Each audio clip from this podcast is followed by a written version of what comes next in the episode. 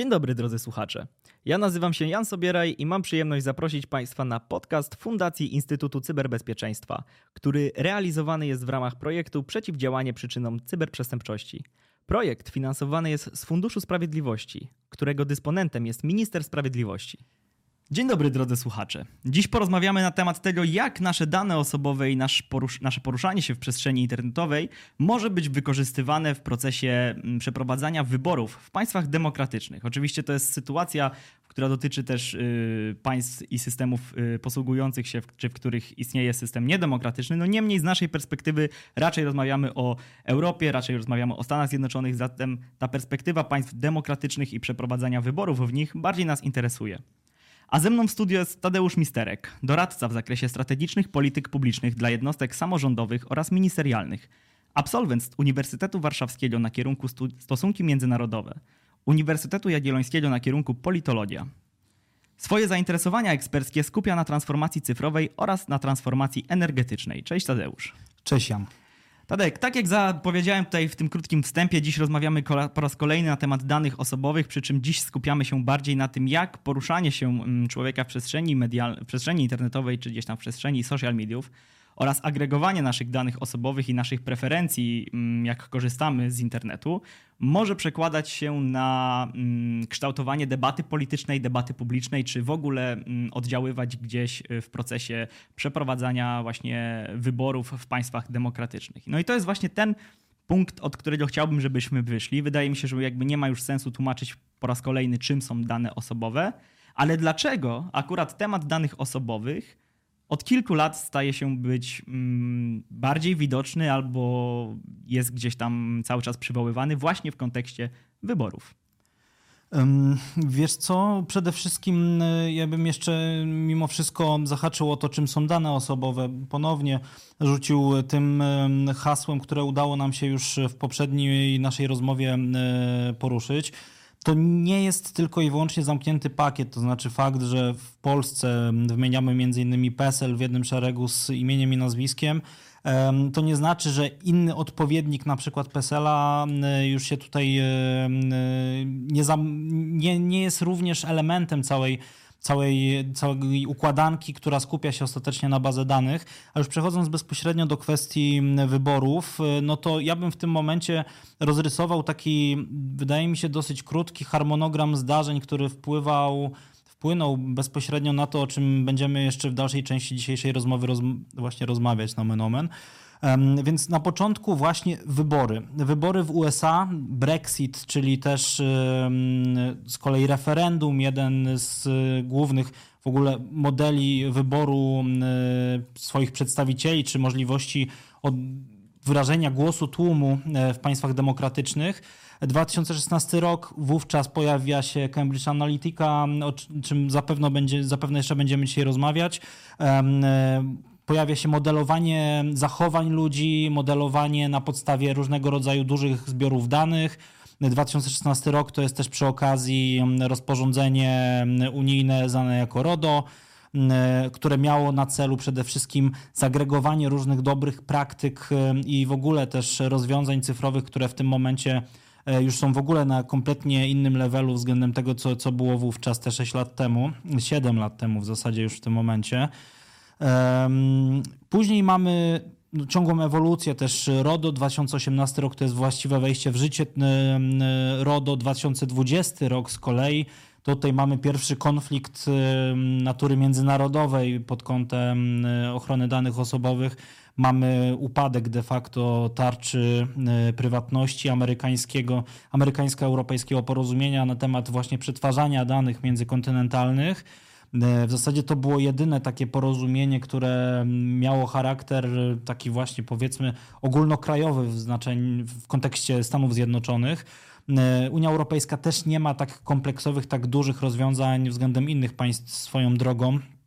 Ale właśnie, no, te, ten upadek tarczy prywatności w 2020 roku poprzez wyrok Trybunału E, Sprawiedliwości Unii Europejskiej w zasadzie zatrzymał cały proces takiego aktywnego formowania prawa między tymi e, państwami. Do teraz, w tym momencie, trwają rozmowy nad sformowaniem faktycznie znowu jakiegoś następstwa tamtego prawa. Tutaj pojawiło się bardzo, bardzo dużo kontrowersji też, które jeżeli chodzi właśnie o wymianę między Stanami a, a Unią Europejską, co zmotywowało Trybunał Sprawiedliwości Unii Europejskiej do takiego, a nie innego wyroku. Między innymi kwestia Maxa Schremsa i bardzo znany wyrok Schrems i Schrems 2 dotyczący właśnie przetwarzania danych osobowych, też przetwarzania danych osobowych y, po zakończeniu, powiedzmy, nazwijmy to subskrypcji, po zakończeniu posiadania konta w danym serwisie. A przepraszam, że, przepraszam, że ci wejdę w słowo, tylko jakbyś mógł jeszcze dla naszych słuchaczy sprecyzować, czym dokładnie była ta, ta tarcza prywatności i co to jest za przypadek y, Schremsa, o którym wspomniałeś. Jakby czego dotyczyła ta sprawa, czyli czym jest ta tarcza, dlaczego upadła, y, o co chodzi w przypadku Schrems. W kontekście tarczy prywatności, no tutaj przede wszystkim y, sprawa upadła, mówiąc kolokwialnie, ze względu na to, że Unia Europejska nie odczuła, iż dane osobowe na terenie Stanów Zjednoczonych są bezpieczne. Mianowicie e, każde państwo, które, do którego dane osobowe są e, wysyłane, muszą zostać przez komisję zatwierdzone jako bezpieczne, jeżeli chodzi w ogóle o też przetrzymywanie danych na serwerach dany, w danym państwie. No wiele państw e, takiego, takiego określenia nie można określić w taki sposób. Zdecydowanie są przede wszystkim państwa autorytarne, ale tutaj właśnie mamy mam, czy totalitarne, ale tutaj mamy też przykład Stanów Zjednoczonych, gdzie, gdzie przez coś, o czym też mieliśmy okazję już y, rozmawiać, to znaczy rozbicie de facto tego e, prawodawstwa w Stanach Zjednoczonych, rozbicie też w ogóle e, kwestii danych osobowych na liczne, liczne prawa pomniejsze, sektorowe. No więc to był, to był główny, główny powód. W przypadku Szeremsa, a przede wszystkim tutaj była kwestia Mm, e, kwestia tego, że te dane były przede wszystkim przetrzymywane e, też po właśnie zamknięciu całego konta przez użytkownika. Cała sprawa była dosyć dogłębnie badana. E, w ramach RODO Schrems miał możliwość wniesienia o przedstawienie wszystkich danych, które Facebook zebrał w jakiejś formie mu na jego bezpieczny adres. E, wysłali mu na płycie CD, co już może w zasadzie podważać e, całe to zabezpieczenie, bo e, no, płyta CD mogłaby na przykład omyłkowo w jakiś sposób zaginąć, dajmy na to, w całym, w całym transporcie. To jest taka najbardziej błaha sprawa. Mm, ale też przy okazji no, płyty CD co do zasady raczej ciężko szyfrować tak, tak na marginesie.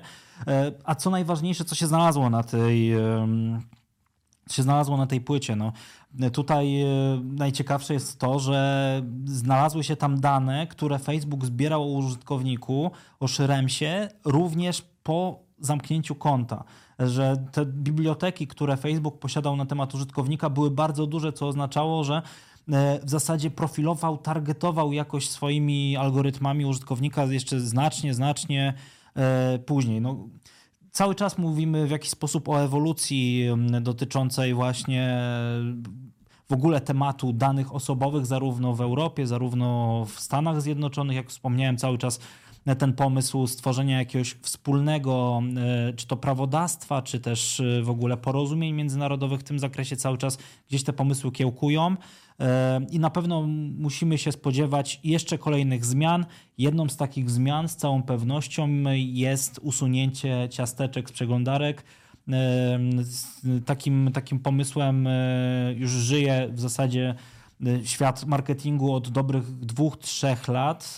Cały czas w tym momencie taki Google e, wstrzymuje się z tą operacją. W tym momencie najprawdopodobniej to będzie 24 rok. Okej, okay, czyli tutaj można jakby konkludować, że mm, tym głównym powodem zerwania, zerwania czy upadku tej tarczy prywatności, o której wspomniałeś, no to jest rozbieżność między prawodawstwem Unii Europejskiej a e, rozbitym prawodawstwem w przypadku Stanów Zjednoczonych. Tam, tam mamy też tą kwestię tego prawa federalnego, czyli tutaj UE miała zastrzeżenie co do, co do nadzoru nad tymi, nad tymi danymi. No ale skoro mamy taki, skoro mamy taki tak daleko pociągnięty ten, ten proces, tak daleko posunięty gromadzenia i agregowania danych osobowych i jeszcze ten przypadek Szremsa, tej sprawy, o której wspomniałeś, no to chciałbym przejść do kolejnego wątku, czyli jak to się stało, że doszliśmy do tak bardzo uspołecznionego internetu, do tak mm, głęboko sięgającego do naszych danych internetów internetu. Jak mm, innymi słowy, internet stał się tak ważnym narzędziem e, nie tyle do śledzenia osób czy do pobierania ich danych osobowych, ale także w kontekście tematu, o którym dzisiaj rozmawiamy, czyli mm, wyborów, mm, targetowania politycznego czy targetowania preferencji wyboru, wyborczych, czy tutaj jak za, za, zajawiłeś pokrótce temat E, Brexitu, czyli też zgaduję, że chodzi o pewne takie rozpoznawanie nastrojów społecznych, w którą stronę gdzieś tam ta opinia publiczna się przechyla. No dlatego to jest kolejny wątek naszej rozmowy, o który chciałbym Cię zapytać. Jak doszliśmy do tego, do tego etapu, do tego poziomu, że jest to tak daleko posunięty proces? Na samym początku chciałbym e, też rozszerzyć e, to, co powiedziałeś, że w zasadzie ewolucja internetu też y, ma wiele wspólnego z mm, de facto agregowaniem jakichś danych. E, trzeba pamiętać, że czy to komputer, czy internet, no to mają bardzo wiele wspólnego de facto z y, armią, ze zbrojeniami, z bezpieczeństwem, cyberbezpieczeństwem, z wywiadem. E, w zasadzie wszystkie, wszystkie ewolucje komputerowe z lat 60., 70., potem 90., no to to jest, to jest wszystko związane z militariami, z właśnie wspomnianym wywiadem, ale już przechodząc faktycznie do tego internetu, który jest nam najbliższy, czyli web. Już przywołany przez Ciebie i też na poprzednim e, naszym spotkaniu w studio. E, więc po kolei, tak konkludując, jasne, jasne. E, web 1.0 to sieć poznania. Użytkownicy mogli głównie obserwować, co się dzieje, co zamieszczają odpowiednio wyspecjalizowane, czy to firmy, czy właśnie jednostki rządowe, głównie na początku oczywiście w Stanach Zjednoczonych, czy w tych e, bardziej ucyfrowionych państwach Europy Zachodniej. Później mieliśmy Web 2.0 jako naturalna kontynuacja, czyli już faktyczna komunikacja międzyludzka. Z całą pewnością wielu naszych dzisiejszych słuchaczy pamięta doskonale fora, czy to wędkarskie, na których przesiadywali ich ojcowie, czy to fora, fora technologiczne, technologiczne, czy też fora związane z grami komputerowymi. To było też dosyć, dosyć statyczne, mimo wszystko ta, właśnie te grupy ludzi były raczej porozbijane, były poszatkowane, część właśnie przesiadywała tylko i wyłącznie na tych forach, nie mając kompletnie świadomości o dostępności fur związanych właśnie na przykład, dajmy na to, z wędkarstwem. I na samym końcu mamy tutaj Web 3.0, czyli aktualnie rozwijany schemat, y, czyli to już jest de facto, jak też okazję miałem wspomnieć ostatnio, taka zbiorcza baza danych y, to już jest faktycznie jakieś, y, jakieś pole do wymiany myśli, do rozmowy międzyludzkiej. Tutaj już to też nie jest tak bardzo lokalne. Mamy właśnie różnego rodzaju platformy społecznościowe. To oczywiście nie jest tylko Facebook, mamy ich multum na przestrzeni ostatnich 20-25 lat. E, tych platform różnego rodzaju społecznościowych było w ogóle bardzo, bardzo dużo. Zapewne wielu słuchaczy e, pamięta doskonale o czymś takim jak nasza klasa, między innymi. Był już taki pomysł jak Google, czyli platforma społecznościowa Google'a. W tym momencie też są jakieś e, zręby społecznościowe, w zasadzie od dobrych kilku lat e, w ramach YouTube'a, gdzie, te, gdzie właśnie te elementy e, społeczności są bardzo silne i bardzo ważne. Też, też swoją drogą są porozbijane, zintegrowane niejako z innymi platformami. No, no właśnie, właśnie, czyli można byłoby powiedzieć, czy to będzie może zbyt daleko idącym uproszczeniem, że Web 2 oferuje już tą komunikację typu te fora internetowe, ale Web3 nie dość, że to umożliwia, to jeszcze wykorzystuje jakby dane połączone między platformami, tak? Czyli jak mamy w przypadku Web2 mieliśmy mm, założone konto, czy poruszaliśmy się w obrębie jakichś witryn internetowych, no to każda jakby z tych witryn posiadała jakieś dane na nasz temat, ale mm, one nie były jakby agregowane do wspólnej bazy danych, a w przypadku Web3 jesteśmy w stanie wyciągnąć taką syntezę, że użytkownik XYZ ma konto w takiej, w takiej, w takiej, w takiej, w takiej i w takiej platformie i sobie ściągamy do jednej bazy danych jego, mm, jego, jego sposób aktywności, czy, czy, czy, czy, czy ten sposób zachowania się w internecie, jakby z tych wszystkich platform jednocześnie w jedną, w jedną bazę, co nam tworzy już taki bardziej pełen profil osoby.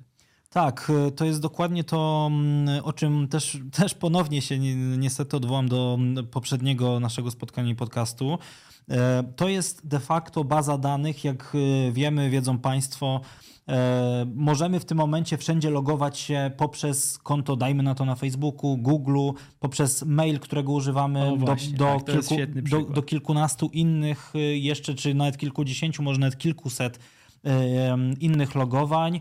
E, generalnie tutaj jest ta bardzo duża integracja. E, musimy na pewno też mieć tego świadomość, że, że ta integracja jest, że te dane krążą między platformami, bo my de facto sami się na to godzimy przy logowaniu, bo jest tak nam po prostu łatwiej. Tak, no bo nie chcemy zakładać za każdym razem konta, tylko jak widzimy opcję zarejestruj się za pośrednictwem Facebooka, ok, jakby klikamy, no ale dobra, no to, no to, no to w takim razie wydaje mi się, że, że wiadomo o co, o co chodzi. Czy jeszcze masz coś do dodania z tego wątku, czy, czy możemy przejść dalej? Wiesz co, myślę, myślę, że możemy przejść dalej już do faktycznej polityki. Dobrze, dlatego poprosiłbym cię teraz o przytoczenie Mm, jednego czy dwóch takich najbardziej znanych czy kojarzonych powszechnie przykładów czy case study, y, w oparciu o które byśmy sobie porozmawiali o tym, jak faktycznie targetowanie w internecie czy, czy agregowanie tych danych osobowych przekładało się na profilowanie wyborcy, przekładało się na mm, prowadzenie kampanii politycznej. Czyli tutaj będę właśnie chciał się odwołać do tej sytuacji z Cambridge Analyticą, o której mam wrażenie, że, że swego czasu było na tyle głośno, że każdemu z nas gdzieś tam się o uszy obiło, ale być może nie wszyscy jeszcze wiedzą, o co tak dokładnie chodziło z Cambridge Analyticą i dlaczego był to, dlaczego był to problem. I to jest coś, o, co bym chciał Ciebie teraz zapytać, czyli Cambridge Analytica i być może jeszcze jakiś inny przykład, jeszcze może jakiś inny case study, y, w którym rozmawiamy na temat tego, jak dane osobowe i nasze zachowanie w internecie pozwala profilować wyborcę i przekładać się na kampanie wyborcze, a dalej na wybory. Wiesz co, pozwolę sobie mm, jednak w ogóle zrobić backstory tutaj. E, Jasne. mianowicie wrócić, pozostając cały czas w Stanach Zjednoczonych, ale wrócić do 2008 roku, e, czyli kampanii prezydenckiej Obamy z McCainem. E, to jest w ogóle przełomowy dla w ogóle świata polityki czas, w ogóle globalnej polityki, bo wówczas sposób przełomowy Obama wykorzystał właśnie mm, media społecznościowe, różnorodne przede wszystkim e, Facebooka, e, do tego, żeby w jakiś sposób zbliżyć się do wyborców, e, w jakiś sposób też móc określić na przykład potencjalne miejsca wieców wyborczych. Generalnie tak zbiorczo traktując, traktując te, te wybory, ten 2008 rok, de facto wówczas internet i w ogóle media społecznościowe stały się jednym z czołowych narzędzi realizowania polityki i to na takim faktycznie najwyższym poziomie e, w ogóle globalnie. E, do tej pory wielu analityków, wielu ekspertów przytacza te wybory jako e, absolutnie przełomowe. Wówczas ta przewaga między Obamą a McCainem na dobrą sprawę drastycznie wzrosła od kiedy, od kiedy Obama faktycznie też coraz więcej pieniędzy, mówiąc kolokwialnie, wkładał w, wkładał w te medium.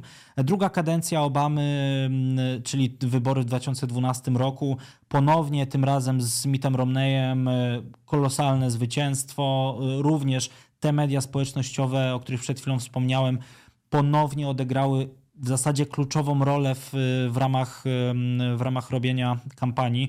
Jeżeli chodzi o kampanię, no to do tej pory takim klasycznym medium dla dyskredytacji, dyskredytacji przeciwnika to była różnego rodzaju propaganda. Mniejsza, większa, często to były klasyczne media, e, czasem filmy. Jeżeli pozostaje, pozostawać przy temacie filmów, no to mieliśmy na przykład Borata z wyborów 2020, do których za chwilę przejdę, e, które dyskredytowały z kolei Donalda Trumpa. E, przepraszam najmocniej, film dyskredytował rzecz jasna e, Donalda Trumpa.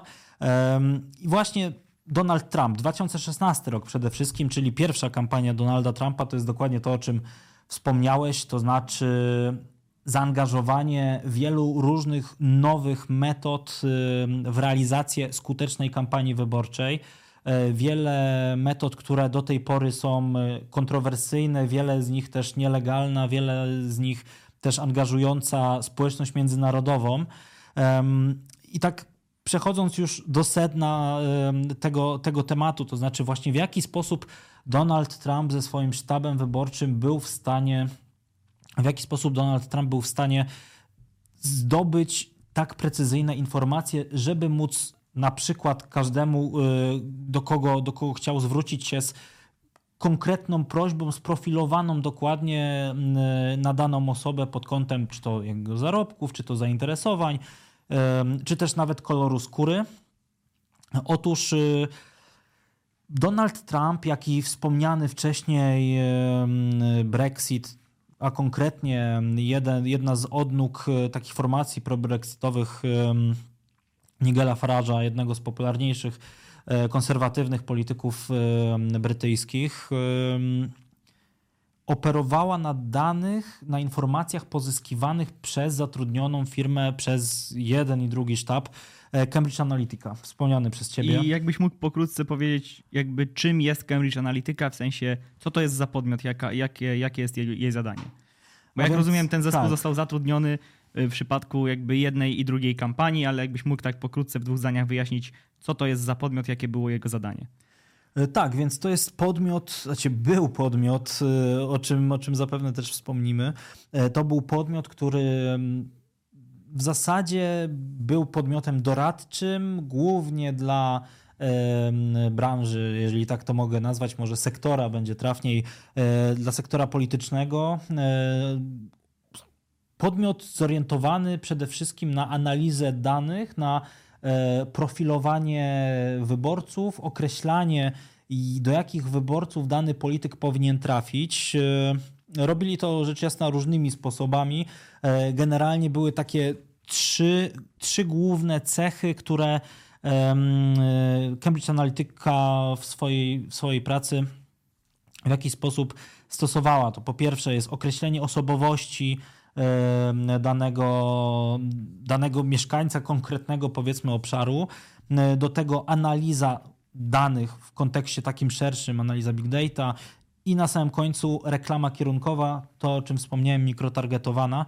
Jeżeli chodzi o określenie osobowości, to w zasadzie ogromnego kopa firmie dało coś takiego jak model, model Ocean. Model analityczny, E, który jak sam autor Michał Kosiński, Polak swoją drogą, e, kiedyś określił, iż wystarczy przeanalizować 70 polubień na Facebooku, aby zrozumieć charakter człowieka lepiej niż jego przyjaciel. 150 lepiej niż rodzice i 300 lepiej niż partner. Tak sam się wypowiadał o tym modelu jego autor. E, no i właśnie, to jest jego autor, ale czym jesteśmy w stanie, że Polak steroryzował niejako e, e, liczne wybory i społeczność międzynarodową? Otóż nie, gdyż ten model został mu ukradziony przez jednego ze współpracowników, który ten model właśnie dostarczył do wspomnianej firmy Cambridge Analytica. I na czym ten model, bo też na pewno to wielu, wielu ciekawi, polegał, więc to jest model pięcioelementowy, e, model, który badał otwartość, otwartość na nowości danego badanego, sumienność, czyli perfekcjonizm w różnych, w różnych wydaniach, ekstrawers ekstrawersja, czyli towarzyskość danej osoby, zgodność, czyli umiejętność do współpracy z innymi ludźmi oraz neurotyczność, czyli umiejętność inaczej. Wrażliwości w sumie. Po, poda, podatność, podatność na zranienie. Wszystkie te elementy były badane w ramach ankiety, która była de facto e, raczej taka neutralna jak wiele innych ankiet. Nie wiem, dajmy na to, e, któryś z naszych znajomych akurat chce wprowadzić produkt na rynek i wysyła nam ankietę. To była na tej samej zasadzie ankieta, kilkuelementowa, prosta, ale dawała wymierne rezultaty, które same w sobie mogły na jakiejś małej grupie faktycznie zadziałać, ale tylko i wyłącznie na małej grupie. I tutaj wchodzi właśnie ten drugi element, o którym wspomniałem, czyli analiza big data. To znaczy mamy już tych ankiet multum.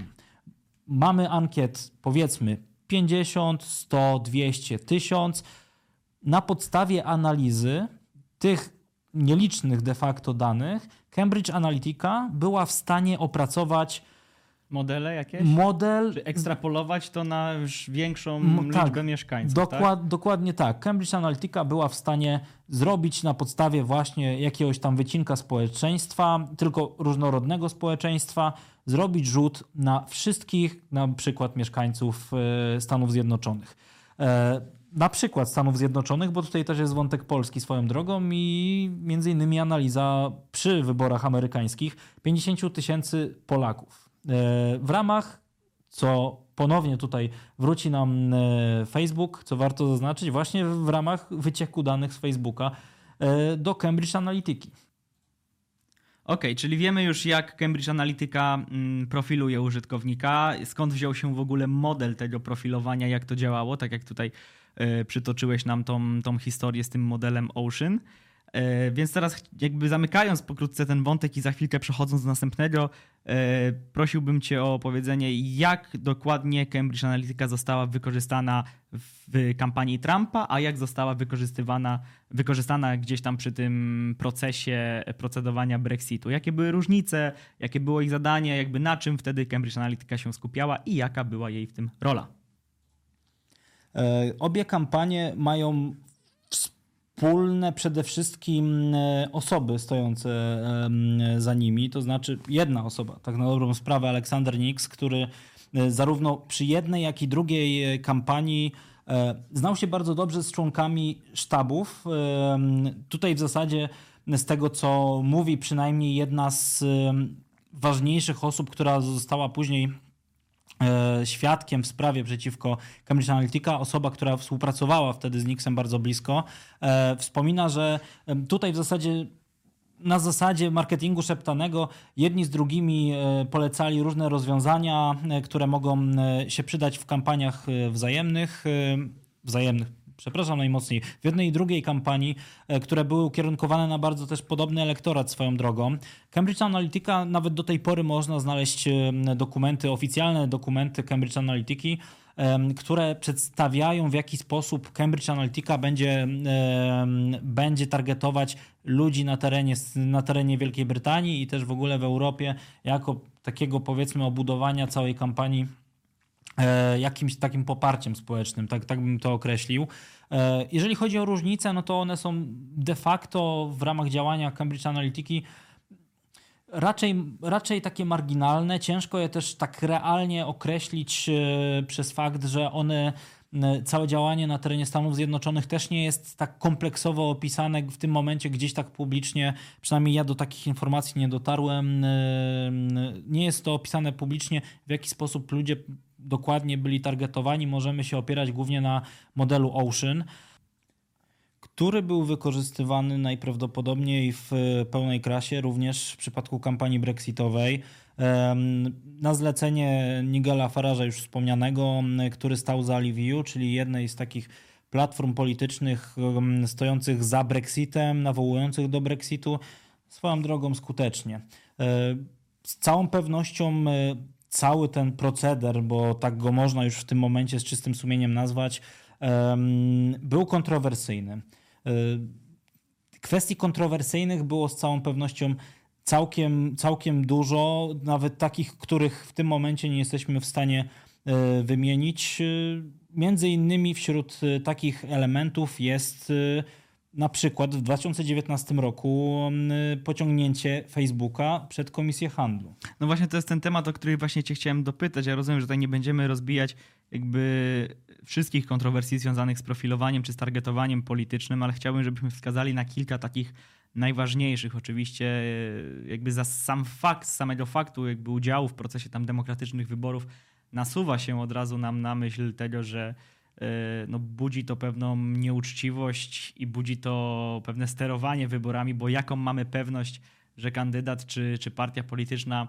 um, uczciwie przekonała do siebie wyborców, skoro była w stanie e, ich profilować i tak naprawdę układać kampanię dokładnie pod swojego wyborcę. Tutaj jakby mówimy też, mówiąc o tym profilowaniu, też na myśl mi się nasuwa zjawisko, które jest obecne zwłaszcza w Stanach Zjednoczonych, czyli zjawisko gerrymanderingu, a zatem takiego układania regionów wyborczych w przypadku, gdy rozpisujemy wybory, gdzie w sumie można byłoby gerrymandering porównać do targetowania, do targetowania czy profilowania mm, sympatii politycznych w internecie, gdyż w przypadku gerrymanderingu po prostu tak wykreślamy okręgi wyborcze, żeby w danym okręgu y, mieć pewność, że w regionie X, nie wiem, mieszkają głównie osoby na przykład czarnoskóre z danej warstwy społecznej, jeżeli chodzi o wykonywane zawody, zarobki, E, i o określonych sympatiach politycznych. No i biorąc pod uwagę, jak wygląda schemat czy system wyborczy w Stanach Zjednoczonych, jak tam się przelicza mandaty, no to jesteśmy w stanie tak naprawdę tak, w taki sposób ułożyć, ułożyć okręgi, że otrzymując mniejszą liczbę głosów na interesującego nas kandydata i tak zgarniamy, i tak zgarniamy mandaty i tak wygrywamy w danym w danym regionie. Dlatego tutaj też wspominam o gerrymanderingu, dlatego że on mi się po prostu kojarzy e, z tym profilowaniem i targetowaniem w internecie, tylko że akurat tutaj w wersji analogowej, że tak to nazwę, no, no swoją drogą gerrymandering jakby jeżeli zostanie udowodniony w Stanach Zjednoczonych, tutaj też warto wspomnieć, że jest to oczywiście działanie nieuczciwe i nielegalne w świetle, w świetle wyborów. Ale jakbyśmy sobie mogli wrócić do tych kontrowersji, to bym prosił o wskazanie kilku, które, które miały, które gdzieś tam najszerzej wypłynęły, związane właśnie z, z targetowaniem i z profilowaniem, może właśnie w tej sprawie z, z, z Zuckerbergiem, czy właśnie odwołując się do, do jeszcze do tych kampanii, o których rozmawialiśmy, no to jakby zostawiam ci dowolność, po prostu jakbyś mógł wskazać na takie mm, kontrowersje czy, czy, czy sprawy problematyczne, które odbiły się najszerszym echem. Więc pozwolę sobie właśnie wrócić do tego wspomnianego 19 roku, y, bo jak z każdą sprawą część y, brudów wypływa y, na wierzch dopiero po czasie. W tym wypadku akurat to była największa kara w historii w ogóle Stanów Zjednoczonych nałożona na firmę technologiczną. To było 5 miliardów dolarów nałożone przez Federalną Komisję Handlu na wspomnianego Facebooka. E, I de facto znowu tutaj wracamy do e, Cambridge Analytiki, gdyż to właśnie e, fakt, że właśnie do tej firmy wyciekło 87 milionów danych użytkowników, to znaczy już kompleksowych danych, to znaczy już mamy tutaj zbiór na przykład imię, nazwisko, adres e-mail i na przykład ciąg preferencji z różnych dziedzin. I tak jak, tak jak sekundę temu wspomniałem, to była największa kara, która kiedykolwiek w Stanach Zjednoczonych się e, pojawiła. Tutaj to były dane umożliwiające między innymi profilowanie preferencji politycznych, e, co wpływa bezpośrednio na e, decyzje polityczne. Też przede wszystkim tutaj przy okazji de facto się pojawia jeszcze taki wątek jak profilowanie faktycznie już określonych treści marketingowych przez czy to Donalda Trumpa, czy też przy okazji Leave EU wspomniane w przypadku poprzedniego pytania. Mm, I koncentrując się już na tym, jakie treści między innymi pojawiały się wówczas y, i komu one były wyświetlane, w trakcie, w trakcie kampanii. Te 87 milionów danych do czego posłużyły? Bo też warto wspomnieć tak ponownie na marginesie, że Facebook to jest jeden z elementów e, tak ku Państwa przestrodze. E, Facebook jest jednym z elementów całej sieci internetowej. Pamiętajmy o tym, że mamy jeszcze multum innych platform, bo dużo rozmawiamy dzisiaj o Facebooku, ale mamy też między innymi Twittera, mamy Instagrama, YouTube'a, etc. Tutaj, jak wspomnieliśmy też na samym początku, to jest łańcuch de facto powiązań, ale mimo wszystko też y, trzeba o nim pamiętać jako o elementach przy okazji też rozbieżnych, Tutaj się odwołam akurat do naszego poprzedniego spotkania i e, rozmowy na temat danych osobowych i handlu nimi. To znaczy, mamy tutaj postaci brokerów, którzy osobno też od tych firm e, te dane skupują, więc to nie jest absolutnie tylko Facebook. Tak, tutaj dla Państwa, y, tutaj dla Państwa krótka informacja. Ostatnim razem, kiedy rozmawiałem z Tadeuszem, rozmawialiśmy na temat tego, czy da się wycenić nasze dane osobowe w internecie, ile kosztuje handel naszymi danymi osobowymi, w internecie, kto agreguje takie dane, komu je sprzedaje, co jest agregowane, no i oczywiście po co się to robi i do czego może zostać wykorzystane. Już wracamy do rozmowy. Jasne. Dzięki, dzięki Janek za przywołanie tamtego spotkania, bo też na pewno posłuchanie go jest wartością dodaną w świetle właśnie całej, całej sprawy. Te dane osobowe służyły między innymi profilowaniu, tak jak już Janek przypadkiem swoją drogą wspomniał o czarnoskórych. Czarnoskórzy akurat byli bardzo ważnym elementem całej kampanii Donalda Trumpa. E, przede wszystkim odwołując się tutaj do kampanii Donalda Trumpa, bo rzecz jasna czarnoskórzy w kampanii Liviu nie, nie byli aż tacy ważni. E, próbowano wówczas czarnoskórych o konkretnych zarobkach e, w jakiś sposób upodlić ustami Hillary Clinton. Okay. Czy, to, czy to było wówczas skuteczne? A jak się okazało. Mógł, jakbyś mógł y, jakby dokładniej powiedzieć o co chodziło? E, stare przemówienia Hillary Clinton starano się w jakiś sposób albo obciąć, albo wyciąć z kontekstu, albo zmodyfikować i następnie przekierować w ramach jakiegoś już konkretnego audiowizualnego przekazu marketingowego czarnoskórym o konkretnych do tej pory na przykład preferencjach. Um, i różnego rodzaju tego typu, tego, tego typu treści ich było naprawdę bardzo dużo. One były y, skierowane też y, na przykład, jeżeli mamy, mówiąc kolokwialnie, gościa w, w średnim wieku, zarabiającego również raczej przeciętnie, ale o, ale o jasnych preferencjach y, do tej pory politycznych, to wiemy, że możemy na niego kierować na przykład prośbę o datki. Jednym z takich elementów właśnie pochodną tych wyciekniętych 87 milionów danych była taka baza danych, e, ona się nazywała Alamo, to jest baza danych już wewnętrzna Donalda Trumpa, kampanii Donalda Trumpa, taka działająca trochę z boku, trochę na użytek też Cambridge Analytica. Tutaj między innymi zbierano dane ze sklepu oficjalnego Donalda Trumpa, tego kampanijnego, gdzie można było kupić te, zapewne wielu z, państwu, z Państwa pamięta, e, takie czapki Donalda Trumpa, Make America Great Again, czerwone, e, bardzo popularne do tej pory, cały czas żywe w modzie, patrząc na między innymi takiego artystę jak Kanye West. I tak kontynuując kwestię Kwestie kontrowersji, no też tutaj mamy na pewno już Janek w ramach innych spotkań z państwem miał okazję wspomnieć o e, rosyjskich trollach, czy też w ogóle zagranicznych trollach, którzy w jakiś sposób e, na tych danych, które gdzieś tam wyciekały, e, mieli okazję w jakiś sposób też budować na przykład zaplecze społeczne danemu kandydatowi. Jasne, a tutaj przepraszam, wejdę ci słowo, ale, ale chciałbym, żebyśmy zmierzali powoli do, powoli do kolejnych pytań, do kolejnych wątków i powoli do konkluzji. Dlatego chciałbym się tutaj cofnąć chwilkę do tego fragmentu, w którym mówiłeś o przesłuchaniu Marka Zuckerberga i mm, pamiętam, o ile pamiętam, o ile mnie pamięć nie myli, wtedy w, te, w trakcie tego przesłuchania jakby zachował się taki dla osób mniej śledzących te, te rozprawy wtedy zachował się taki obrazek, gdzie starsi panowie nierozumiejący internetu w cudzysłowie pytają no już nie takiego młodego, ale y, giganta technologicznego na temat tego, jak działa agregowanie danych y, przez Facebook czy przez y, platformy social mediowe, dlaczego to jest w ogóle legalne, dziwią się, jakby jak to działa, no i w jakiś sposób próbują zrozumieć, z czym to się je. No i dlatego to jest właśnie, chciałbym potraktować ten case jako przyczynek do kolejnego wątku, czyli czy da, czy da się chronić przed targetowaniem e, nas w przestrzeni cyfrowej?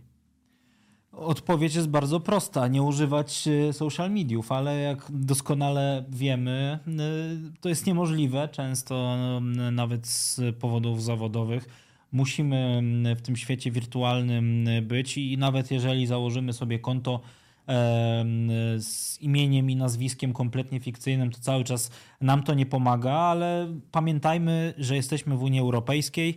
E, jesteśmy na terenie Unii Europejskiej, to znaczy obowiązuje tutaj akurat wspomniane już na samym początku RODO.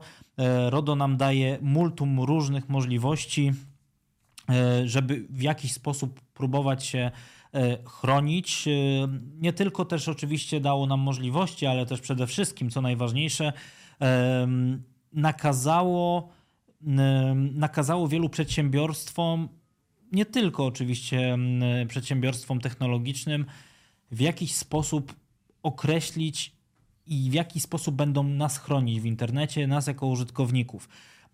Między innymi, jeżeli dane przedsiębiorstwo nie dostosuje się w 100% w zgodzie z przepisami, których teraz akurat Państwu pozwolimy sobie nie cytować w pełni, ale jeżeli dane przedsiębiorstwo się nie ustabilizuje pod kątem ochrony, to musi zapłacić przeogromne kary, między innymi do 4% całkowitego e, obrotu. Pamiętajmy, obrotu to nie jest to samo co przychód ani dochód.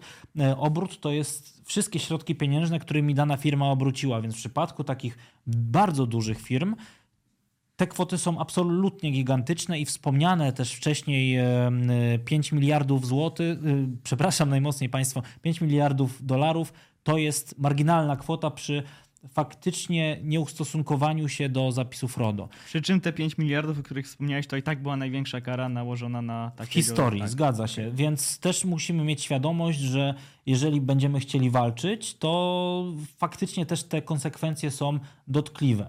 E, często niektóre firmy, firmy krzaki, etc., tak teraz na marginesie rzecz jasna e, wspomnę, mają sobie to za nic i musimy o tym pamiętać żeby, żeby jednak też, nawet mając y, tę świadomość, że firmy są obłożone różnego rodzaju e, prawami, to cały czas wyłomy są, rzecz jasna. Musimy mieć to w świadomości.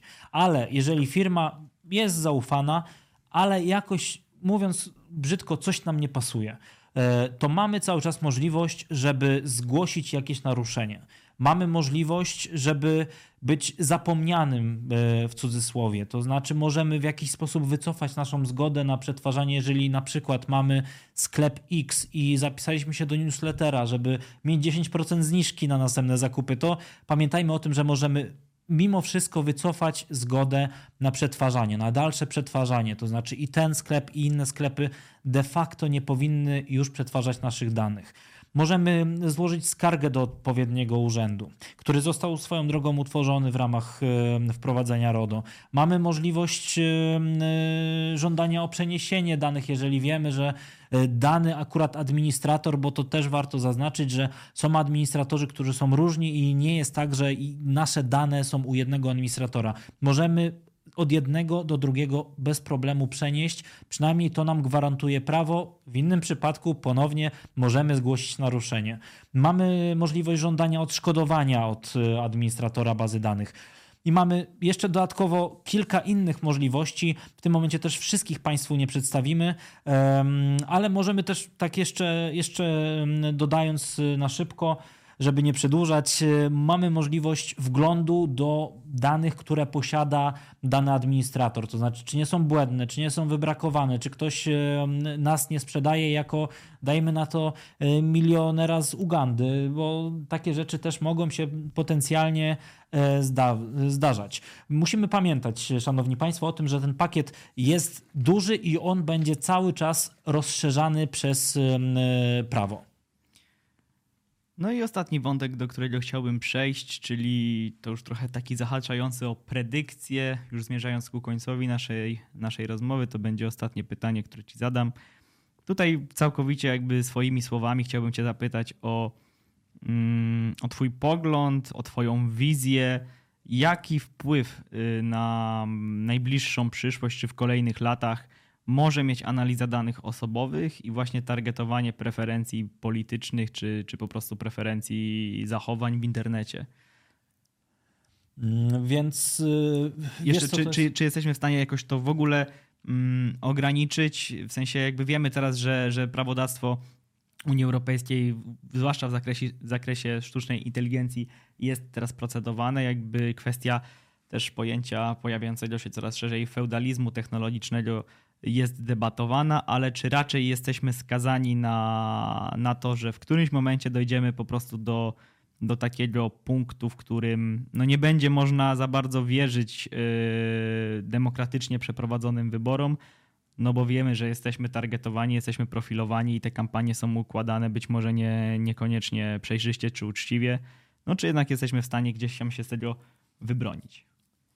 To jest bardzo skomplikowany temat, e, szczerze powiedziawszy, bo tutaj mamy multum wątków. Wątek polityczny, który jest e, sam w sobie wieloaspektowy, bo mamy tutaj koncept internetu, który jest bytem transgranicznym, transnarodowym, globalnym, mówiąc wprost, bytem, który przede wszystkim nie da się go w jakiś sposób ujarzmić cały czas polityką. To, o czym wspomniałeś, to znaczy starsi panowie, którzy starają się złapać, czym jest e, internet, czym, jest, e, czym są dane osobowe.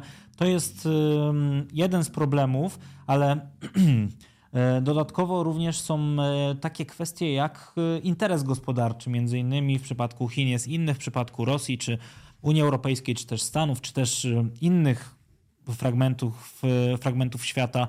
Ten, ten interes jest bardzo różny. Tutaj ciężko jakąś e, taką e, faktyczną konkluzję, mimo tego, że mamy, e, mamy byty międzynarodowe, które w jakiś sposób mają zjednoczać zjednaczać te najważniejsze myśli, adaptować dobre praktyki z poszczególnych państw na skalę międzynarodową. Jednak to jest niemal niemożliwe właśnie przez przede wszystkim w moim odczuciu kwestie gospodarcze. E, jak może wyglądać w ogóle polityka w ramach targetowania, czy jak mogą wyglądać social media w przyszłości? E, wydaje mi się, że kwestia targetowania, marketing generalnie jest dosyć w tym momencie, bo nazwijmy to marketingiem, jest ograniczany. No, wspomniane właśnie ciasteczka na początku naszego spotkania które mają zniknąć ciasteczka, e, jeszcze pozwolę sobie wspomnieć, no one w jakiś sposób ten nasz ślad cyfrowy mm, mają za zadanie zapamiętać, częściowo na użytek nasz, częściowo e, platformy, która akurat e, zajmuje się zbieraniem tych ciasteczek. I jeżeli chodzi o samą politykę, tutaj też może być taki w ogóle wątek polaryzacji społeczeństwa, to znaczy wprowadzenie może z czasem, jeżeli marketing y, ucierpi, wprowadzenie z czasem y, po prostu płatnych subskrypcji w ramach platform i oczywiście też darmowych wariantów, które akurat y, zawierają już różnego rodzaju treści reklamowe, zawierają różnego rodzaju kwestie dotyczące reklam, pozyskiwania reklam, pozyskiwania danych osobowych, etc. Więc na dobrą sprawę jest multum możliwości. E, reklama żyje już e, na tyle długo, media społecznościowe żyją z reklam, że na pewno tutaj jakieś rozwiązania marketingowe, e, profilowania też zarówno tendencji, czy to wyborczych, czy to w ogóle tendencji zakupowych, na pewno liczne rozwiązania jeszcze przed nami. Na temat płatnych platform i w ogóle płatnego dostępu do treści w internecie, a także tego, czy czeka nas yy, epoka, era płatnego internetu, coraz bardziej płatnego, porozmawiamy sobie jeszcze w kolejnych odcinkach, być może już z innym gościem, być może już przy innej okazji.